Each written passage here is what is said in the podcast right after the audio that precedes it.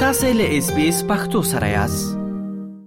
قدرمن اوریدونکو اوس هم زما همکار اسلام ګل افریدی له خیبر پښتونخوا څخه د ټلیفون په کرخه ده له هغه څخه به په پا پاکستان کې د ورستۍ مهمو پیښو په اړه معلومات واورو افریدی صاحب په پا پیل کې مهرباني وکړه او لوریدونکو سره په پا پاکستان کې د ورستۍ مهمو پیښو په اړه معلومات شریک کړه منیب صاحب ډیره مننه نن چې د پاکستان نه کوم درې لوی خبرونه دي چې د اوریدونکو سره به شریکو هغه د د پښتون ژغورنې غورځنګ مشر منصور احمد پښتون چې څو ورځې وړاندې له بند څخه راخلاص شوی وو نو د قطبي وزیرستان خپل سفر پیل کړی وو او دا شانت په خبر تر رسېدل په بیلابیلو ځینو کې غونډې کړې دي قسم د امنیتي ادارو لخوا دوی ته د دوی غونډې د تړلو لپاره هڅه مشوي خو دوی پېښور ته رارسېدلي دي دغه شانتي په یمن کې چې دی د اسرایل د جګړې سره تړلې خبر دی چې د پاکستان باندې هم اثر دی چې یمن په خپل سره نږدې بل بره احمر سمندرګي کې چې کوم په جزونو باندې بریدونه کیږي نو دا غي لامل په پاکستان کې د تیلو د بیو د جکیدو خبر ورکړی شوی دی او دغه شانته دوه ورځې وروسته یعنی په 18 فروری به په پاکستان کې د پاکستان سپر لیګ چې دی د کرکټ چې کوم لوی لوبه کیږي هغه به پیل شي مننه افریدی صاحب لومړی به له تاسو څخه د پښتون ژغورنې غورځنګ د مشر منظور پښتین د سفر په اړه واورو خغله پښتین چې څو ورځې وړاندې خوشې شو له بند څخه تاسو ویل چې پیښور ته سفر کړی دی په دې اړه که جزئیات لاوریدونکو سره شریک کړئ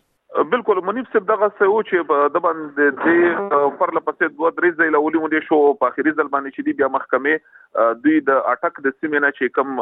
د اٹک چې کم ولسوال له داغي هغه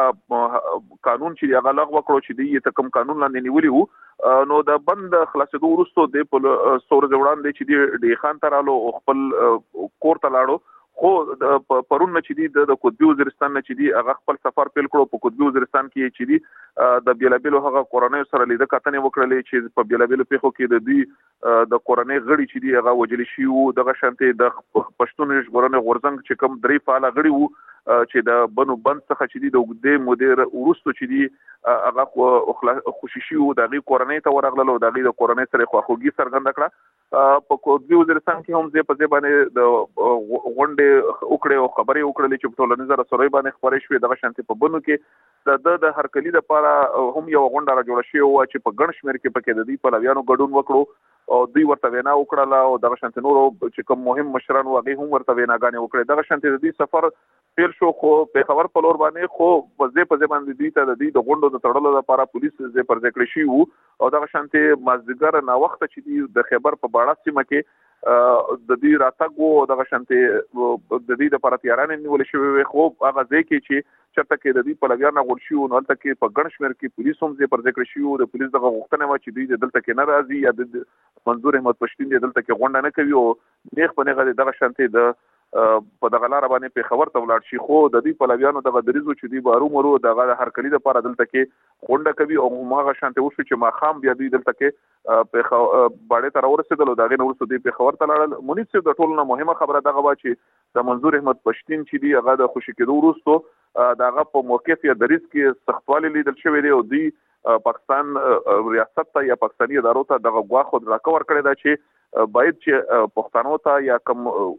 د پریشوي ولسونه دی هغه ته د حقونه ورکړي کني دوی به دا غي نه سخت یو بل لار اختیاروي نو دا چې دی هغه یو ډېر مهم دغه ګڼل کیږي دوی دغه هم غوښ ورکړي و چې دوی اوس د احتجاجونو یا د غونډو چې دی یو نه لړۍ پیل کړي افریدی صاحب بل مسله چې تاسو ورته اشاره درلوده تاسو ویل چې په سری بهيري کې په بیړیو باندې د یمن له خاورې څخه بریدونو په پا پاکستان کې هم د تیلو په بایو باندې اغیز کړی ده که مهرباني وکړئ په دې اړه له اوریدونکو سره معلومات شریک کړئ چې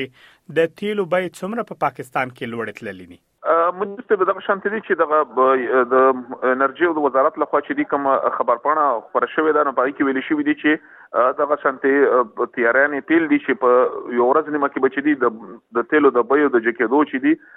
هغه لاسلیک چې دي هغه خبر کړی شي پای کې دا ویل شوې دي چې پېټرول بچي دي تقریبا دوه کلدارې په د لیټر په حساب سره او دا شانتي ډیزل بچي دي هغه نه روپې یا نه کلدارې او شل پیسې چې دی هغه د لیټر په حساب سره ګران شي او دغه شانته د پېټرول نوې چې کم بیا دا د یو لیټر هغه به د 200 او 4 او یا او شپږ اتیا پیسو ته ورسی دغه شانته ډیزل بچی دي 200 او اتا ته کلدارو ته د لیټر په حساب سره ورسی دا وړاندې نه په پاکستان کې چې دي د تیلو بیې ډېر زیاتې جګې دي د نورو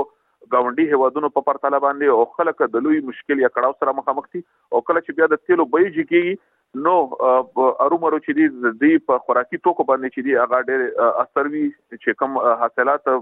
کارخانو ناراضي یا په بازارونو کې کم خوراکي توکي ترلاسه کیږي نو دی وګړي په اغیزمن کیږي د دینه او دغه شنت د ځلې دغه خبر ورکړ شوې دي چې په د اسرائیل چې کوم جګړه پیل دا بیا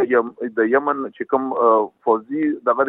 په سمندر کې کوم بریدونه کیږي په سمندري جازونو باندې نو دا غي لامل په ځنو هوادونو باندې چې دي دا غي ډیر زیات بد اغیز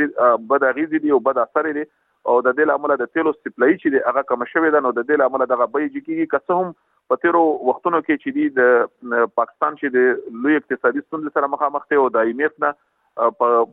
لوی مقدار سره چې دی هغه د قرضو اخیستلو په بهیر کې دی نو د هغوی د ایم ایف په وینا باندې په تېرو وختونو کې دغه بیې جګې کړې دي، خو دا ځل یې د پاکستان د دولت دریځ چې دی هغه جلا دی. افریدی صاحب تاسو د مرکې په پیل کې وویل چې په پاکستان کې د پي ایس ایل یا د پاکستان د سوپر لیګ سیالۍ چې دي هغه د فبرورۍ په اوولسمه نیټه چې په اسټرالیا کې